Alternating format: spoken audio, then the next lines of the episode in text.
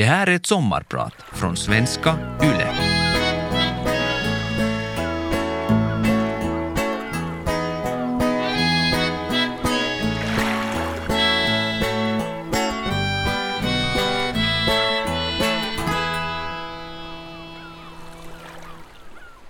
Ett kast kvar. Ett kast som måste lyckas. Det är vad jag förväntar av mig själv. Och vad hela spjuttokiga Finland förväntar sig av mig. Kvalgränsen för final ligger på 60 och 50. Det har jag bara kastat en gång den här säsongen. Mina två första kast har varit helt misslyckade. Nu gäller det att hitta rätt fokus. Sablar i. Det är VM på hemmaplan. Jag lägger mig på rygg, blundar och försöker tömma huvudet på alla tankar. Jag fantiserar att jag ligger på bryggan vid sommarstugan i Vasa skärgård. Efter att ha hittat mitt inre lugn så stiger jag upp och börjar gå av och an. Jag går igenom kasttekniken. Jag är helt inne i min egen bubbla och repeterar mitt mantra. Det här kan du. Det här fixar du. Du har gjort det förr. Du kan göra det igen. Jag går ut på ansatsbanan. Jag står med spjutet i handen, Stretcha vaden lite. Sablar, den känns tight. Men vem bryr sig? Kom igen nu då. Det känns som att världen står stilla.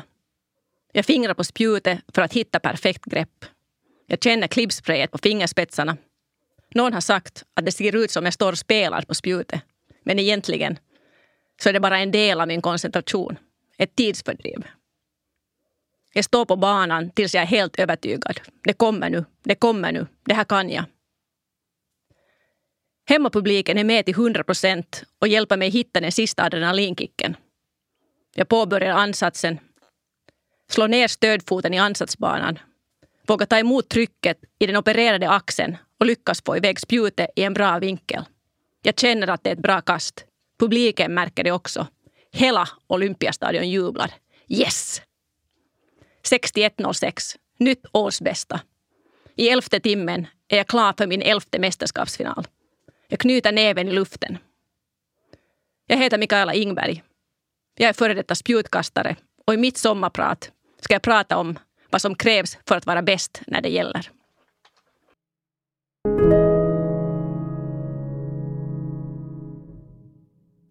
Som barn höll jag på med många olika sporter. Men redan som tioåring, första gången när jag testade kasta spjut, så blev det min favoritgren. Jag tror att jag fascinerades av att få spjutet att flyga i en fin båge och själva känslan när man kastar. Det är en ganska knepig gren tekniskt och det kräver både styrka och finess. Under uppväxten hade jag planscher av spjutkärnorna Tina Lillak och Tapio Korjus på väggen. Fast jag inte minns det så har jag säkert sett Tina vinna VM-guld på hemmaplan 1983. När jag fick mitt första spjut, som var rött, så tog jag nämligen en kniv och skalade bort färgen av bakre delen av spjutet. Sen bad jag pappa köpa vit färg så jag skulle kunna måla det och se likadant ut som Tina Lillacks spjut. Att både Korjus och Lillack har lyckats leverera och kasta hem guld i sista kastet är nog någonting som har fastnat i mig. Tanken att så länge man har ett kast kvar har man alla chanser att lyckas. För de gjorde ju det. Förebilder och tradition är absolut viktigt. Mecka för oss finländska spjutkastare är Pihtipudas. Under den lilla byns årliga spjutkarneval ordnas det både spjutskola och tävlingar där många gamla mästare är med som tränare. När jag deltog första gången som tolvåring så kunde jag typ säga kyllä och ej på finska och försökte bara se glad ut och säga kyllä och, och skratta när någon frågade någonting av mig. Tydligen trivdes jag väldigt bra i alla fall och jag åkte tillbaka varje år för resten av min spjutkarriär. Jag råkade faktiskt ha Tapio Korjus, som senare blev min tränare, som tränare i spjutskolan när jag var 14 år. Spjutkarnevalen har haft en otroligt stor betydelse för min utveckling och det var en väldigt viktig inspiration och också motivation. Dessutom så blev jag ju också bättre på finskan. Finland är ett spjuttokigt land. Och speciellt när jag växte upp så var nästan självklart att någon finländare var med och fightade om mästerskapsmedalj. För mig var det här absolut sporrande. Vår juniorlandslagstränare sa alltid att man kan nå hur långt som helst om man är beredd att jobba för det. Och jag hade ju sett med mina egna ögon att mina landsmän lyckades. Så nu var det bara att satsa stenhårt. Jag minns ändå inte att jag någonsin som yngre skulle ha tänkt att jag vill bli bäst i världen. För mig handlar det mer om att se hur långt jag kan nå och var mina egna gränser ligger. Baksidan med att komma från spjuttokiga Finland är ju förstås att en finalplats liksom inte räcker till. I Finland kräver folket en medalj.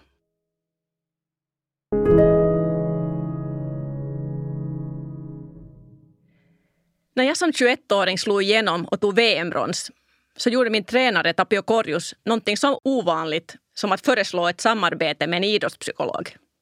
Det här var verkligen inte någonting som man gjorde på 90-talet. Och många kommenterade med “Men du har ju inga problem, du har ju just tagit medalj”. Men man jobbar ju med en idrottspsykolog om det går dåligt.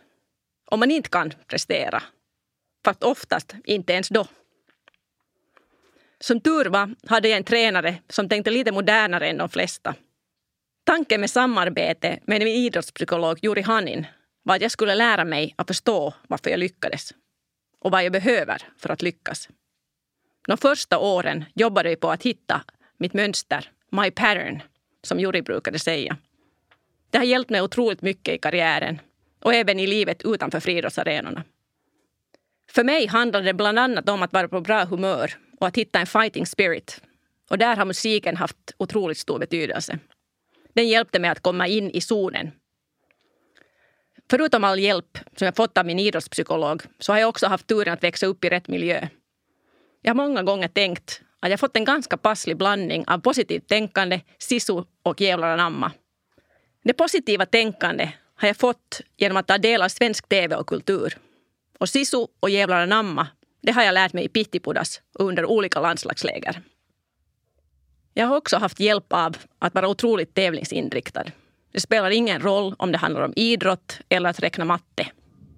Jag har liksom alltid känt mig hemma och njutit av situationer där det gäller att prestera.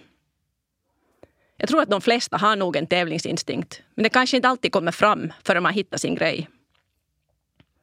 Sen måste jag ju också medge att jag alltid har varit något att kan själv, vill själv typ. Redan som barn var jag otroligt envis och nördade ner mig i saker som jag var intresserad av. Jag har alltid haft en hunger att lära mig nya saker, att bli en expert.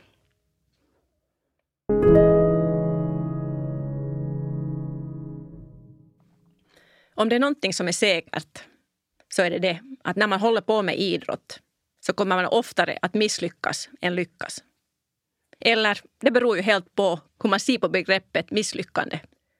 Mina första mästerskap, både som junior och senior, var om man ser på resultaten stora misslyckanden. Jag kastade långt från min kapacitet och missade final båda gångerna.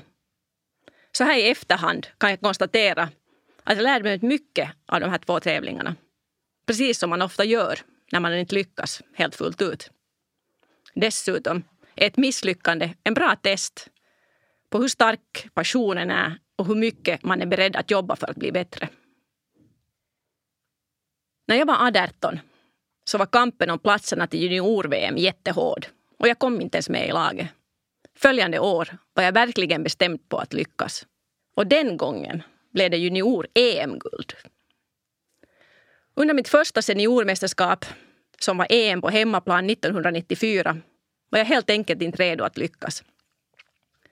Min finska var fortfarande ganska dålig och plötsligt fick jag sitta framför 20 reportrar på en presskonferens och svara på frågor till tidningar, radio och tv. Det var minsann inte det lättaste. På samma gång hjälpte det eftersom jag inte läste finska tidningar och allt vad de skrev. Men att missa finalen, det kändes ändå jättetungt. Efter att ha pratat med de kritiska finska journalisterna möttes jag av vår lagledare den tidigare spjutkastaren Tuula Laaksalo. Hon gav mig en stor kram och sa det här är ingenting att grubbla över. Du har så många mästerskap ännu framför dig. Det här värmde. Det faktum att jag ännu minns Tuulas kram och ord visar hur viktigt det var att få det stödet. Tuula själv var en tidigare OS och VM-finalist. Hon visste vad hon pratade om. Hon visste att jag hade framtiden framför mig. Det här är den typen av små saker som kan få en jättestor betydelse i framtiden. Jag behövde inte känna mig som en svikare och misslyckandet blev ingen trauma som följde med till nästa års mästerskap. Nästa år var det VM i Göteborg. Den gången tog jag min första av tre internationella mästerskapsmedaljer. För att lyckas behöver man helt enkelt lära sig att det inte är så farligt att misslyckas. Det är lite som min gamla massör Yngve Backman i Kärlax brukar säga.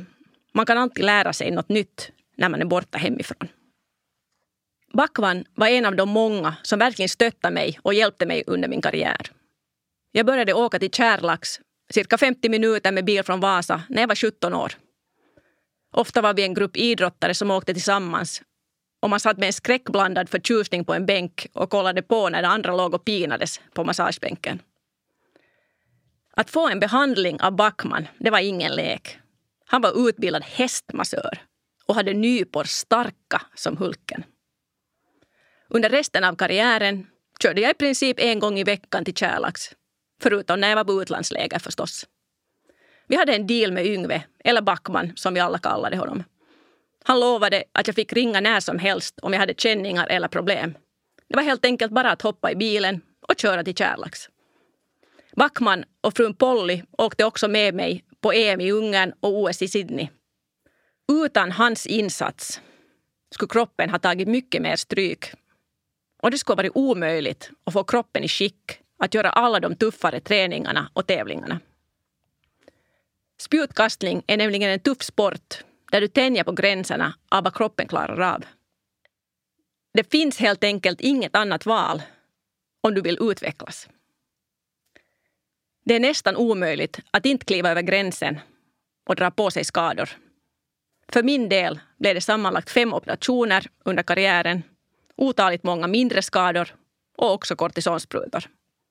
Och förstås hundratals timmar hos Backman och många andra massörer, fysioterapeuter och osteopater. En gång åkte jag faktiskt ända till San Francisco för att få behandling. Det var min brist som hade låst sig. Jag hade besökt fyra, fem ställen i Finland men ingen hade lyckats hjälpa mig. Min pålitliga fysioterapeut Jarmo Ahonen bodde just då i San Francisco där han utbildade sig inom pilates. Jarmo hade hjälpt mig med samma krånglande vist redan under mitt första OS 96. Och utan honom hade jag antagligen inte kastat alls i OS. Efter det fick han smeknamnet Miracle Man och nu skulle han än en gång uträtta ett mirakel. Jag tog kontakt med honom och undrade om jag kunde komma förbi. Han skrattade och frågade om jag var helt säker. Det är ju ändå en bit från Vasa till San Francisco. Men eftersom jag ändå skulle på ett träningsläger till North Carolina några veckor senare så bestämde jag mig. Jag tar en tur via Jami. Efter att ha flugit över halva, eller hela halva jordklotet tog behandlingen hos Jami inte mer än en dryg timme. Och sen var jag på väg tillbaka till flygfältet för att åka till Chicago och sen vidare till östkusten och träningslägret i North Carolina. Men bristen, den funkar bra hela lägret och hela sommaren också. Så det var nog värt alla flygresor. Jami brukar ännu skoja och säga att jag är nog den som har rest längst för att få behandling av honom.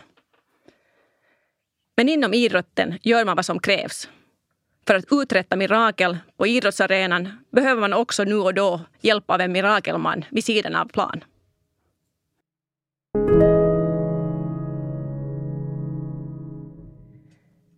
Det krävs stora satsningar och också tuffa val om man vill nå världstoppen. Man måste helt enkelt gå all in. Och det gäller såväl kroppen som den ekonomiska satsningen. Mitt första stora val eller beslut det var att jag flyttade till Kuortane efter gymnasiet. Jag ville ge idrotten en chans och satsa 100 procent. Den sommaren hade jag vunnit junior-EM-guld och var minst sagt motiverad att se hur långt jag kan nå. Kuortane ligger ungefär en och en halv timme med bil rakt österut från Vasa. Och det var ett bekant ställe för mig där jag hade varit på många distrikts SFI och landslagsläger.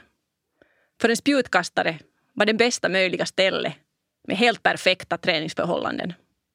Dessutom blev spjutkastarna Heli Tolkinen och Juha Laukkanen mina nya träningskompisar. Vi sporrade varandra och vi hade alla som mål att lyckas internationellt. Min målsättning var att inom tre år nå final på ett seniormästerskap. Om det inte lyckades, då skulle jag satsa på studierna istället. Jag trivdes bra och träningen flöt på. Jag tränade typ dubbelt mer än tidigare och redan två år senare kom genombrottet på seniornivå när jag tog ett brons på VM i Göteborg. I samma veva utvecklade undervisnings och kulturministeriet ett försök med idrottarlön. Det här var en lön till en mindre grupp idrottare som ansågs ha potential att ta medalj i kommande OS och VM. Tack vare min framgång i Göteborg så fick jag det här stödet, det vill säga en skattefri summa på 6 000 mark i månaden för att underlätta på min satsning. Det här var ett väldigt viktigt tillskott i kassan för mig. Många idrottare lever på hjälp av föräldrar, studiestöd, studielån och eventuellt lite jobb på sidan om. Lyckas man bra som junior och senare också som ung senior så kommer också samarbetspartners med i spelet. Men det förutsätter förstås att man lyckas och för det så krävs det att man är skadefri. I bästa fall får man också ekonomiskt träningsstöd från grenförbund och olympiska kommittén.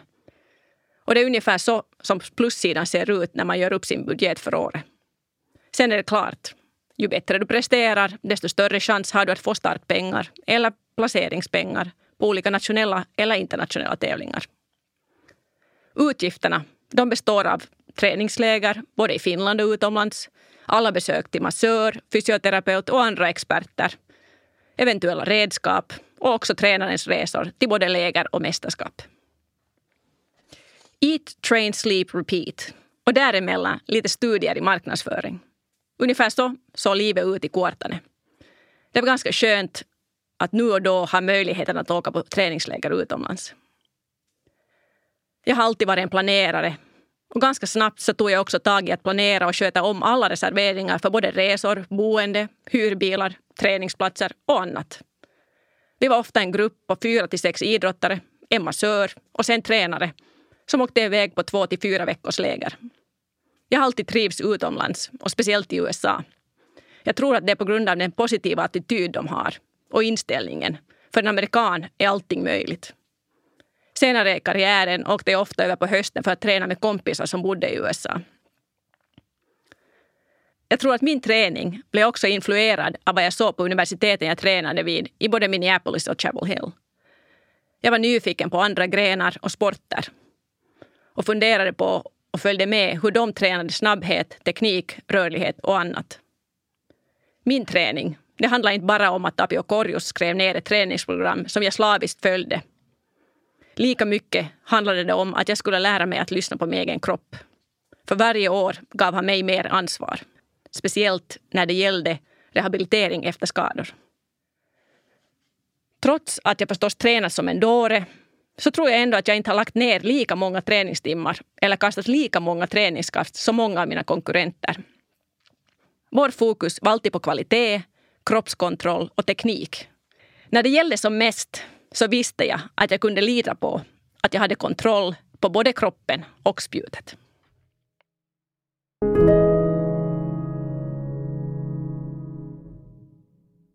Jag var med på två juniormästerskap och 15 seniormästerskap under min karriär. Det var de internationella tävlingarna och framför allt mästerskapen som drev mig. Och det var det jag njöt av mest. Det är någonting speciellt med internationella mästerskap. Det är en helt annan känsla än på en mindre tävling. Själva spjuttävlingen, den går ju till i princip på helt samma sätt. Men hela upplägget runt omkring, det är ganska annorlunda. På ett OS så bor alla tävlande på samma område, i den så kallade OS-byn. Att leva tätt in på 10 000 andra nervösa idrottare som alla ska delta i sitt livs viktigaste tävling gör att det är en ganska speciell stämning där. Tänk dig själv, människor från 200 länder i ett litet område där alla äter, bor och delvis också tränar i samma utrymmen. Eftersom utrymmet i en OS-by är begränsat så finns det också en hel del restriktioner för vem som får bo där. Det här betyder att en stor del av idrottarna inte har sin egen tränare på plats när det betyder som mest. Och träningsplanen och gymmet, de kanske inte har den utrustning du är van med. Och i matsalen, där äter du i ett enormt tält med människor från en massa olika länder. På de sommar-OS som jag har varit med på har maten varit helt grymt bra. Du har tillgång till mattältet i princip 24 timmar i dygnet. Det serveras alltid någonting och de flesta tiderna på dygnet finns det ett otroligt utbud av olika sorters mat för och från olika kulturer.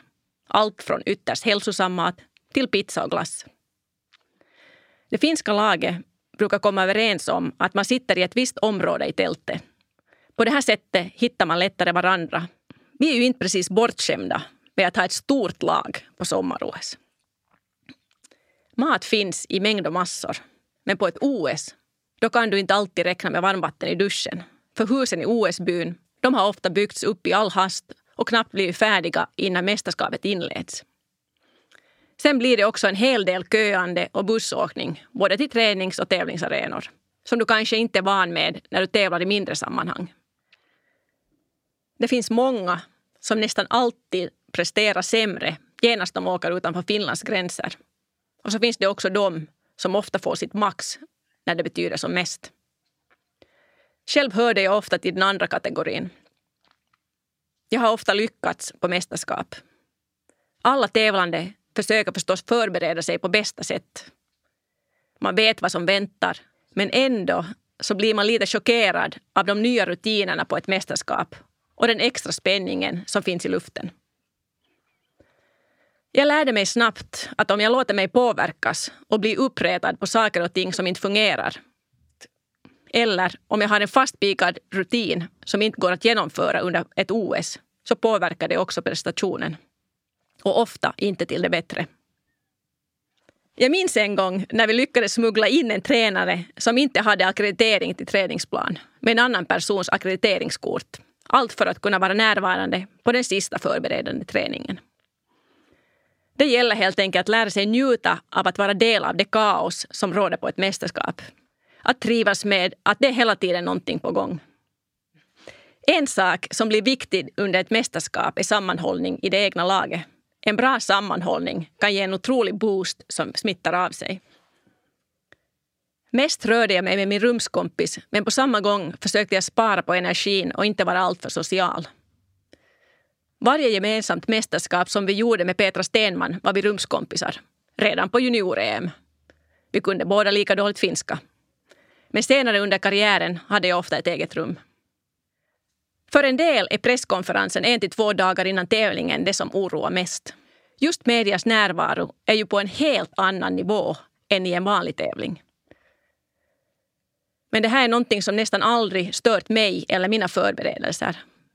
Oftast kommer jag inte ens ihåg vad jag sagt eller har bara låtit det komma in genom ena öra och ut genom andra för att hålla fokus. Eftersom damernas spjut arrangerats under OS-tävlingarnas sista dagar så har jag tyvärr ganska sällan fått göra någonting annat än att fokusera på själva tävlingen. Så om ni vill höra om spännande historier från OS så får ni fråga simmarna. Det är de som tävlar i början av tävlingarna. När de har tävlat klart brukar det bli bra drag i OS-byn. Toppidrottare kan nämligen vara riktigt bra på att släppa loss när tävlingssäsongen tagit slut. Det enda mästerskapet där jag hunnit se någonting på plats var i Peking-OS 2008. Och tyvärr berodde det den gången på att jag inte kom till final. Annars så skulle jag ha legat på rummet eller gjort ett träningspass istället för att besöka kinesiska muren.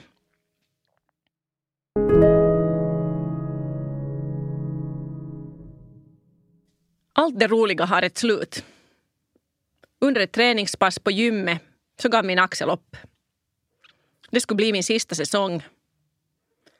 Men jag fick inte slut som jag hade hoppats på. Jag hade gärna velat njuta av den sista tävlingen. Att veta att det här är mitt sista tävlingskast. Men nej.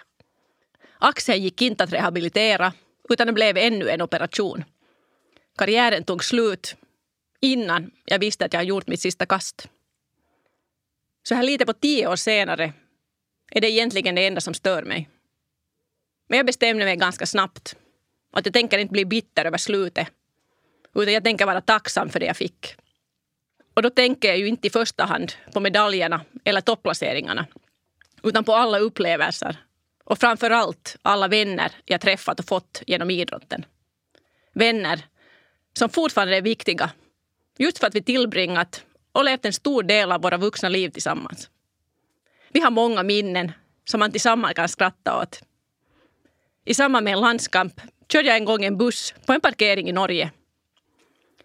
Tävlingarna hade tagit slut och vi skulle åka med sista turen till hotellet. Men busschauffören syntes inte till. Och efter att det gått ytterligare 15 minuter så hoppade jag bakom ratten och Markus Lindahl tryckte på startknappen. Och så körde jag ett varv på parkeringen mellan alla skrattade. Och efter det så tog det nog inte länge förrän chaffisen kom springande och ropade åt oss på norska. Du må icke göra om det!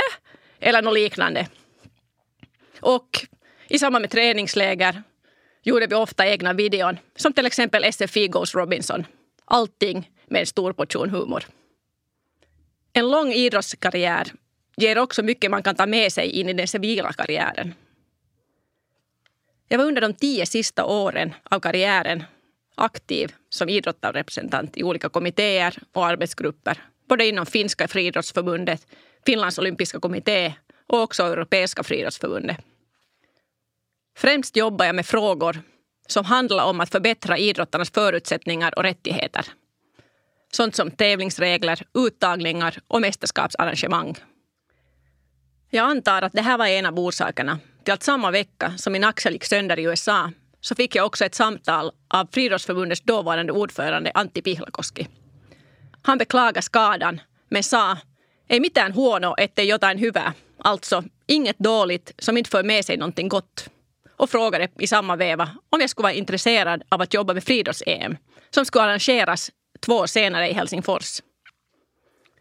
Jag behövde inte fundera speciellt länge. Efter min axeloperation och att jag har varit sjukledig i tre månader så flyttade jag till Helsingfors för att jobba heltid med EM. Jag skulle vara ansvarig för allt som angick landslagen som kom till Helsingfors.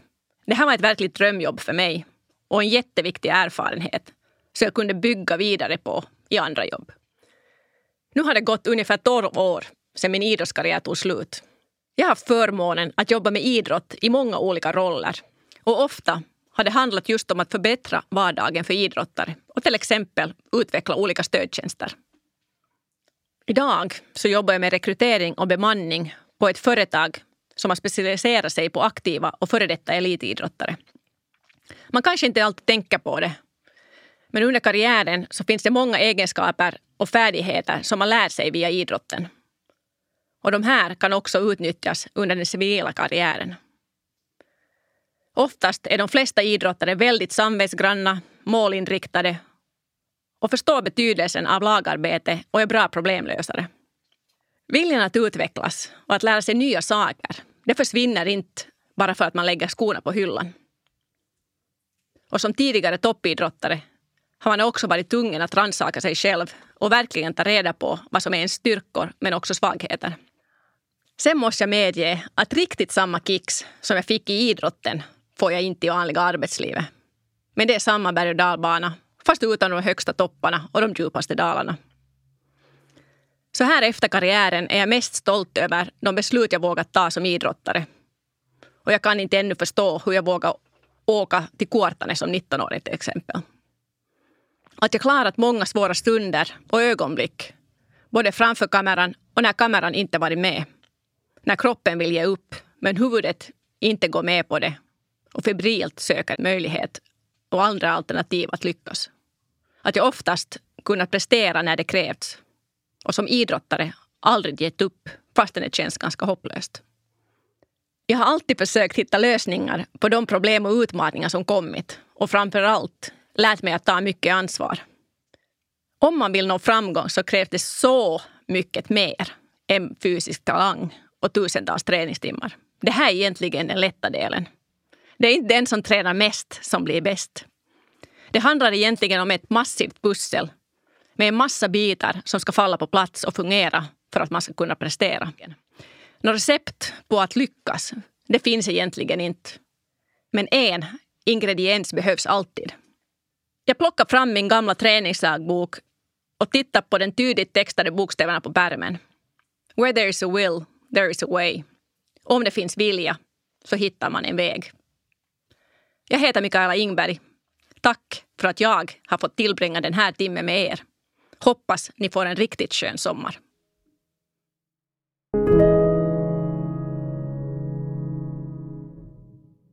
Vegas sommarpratare produceras för Svenska Yle av paradmedia.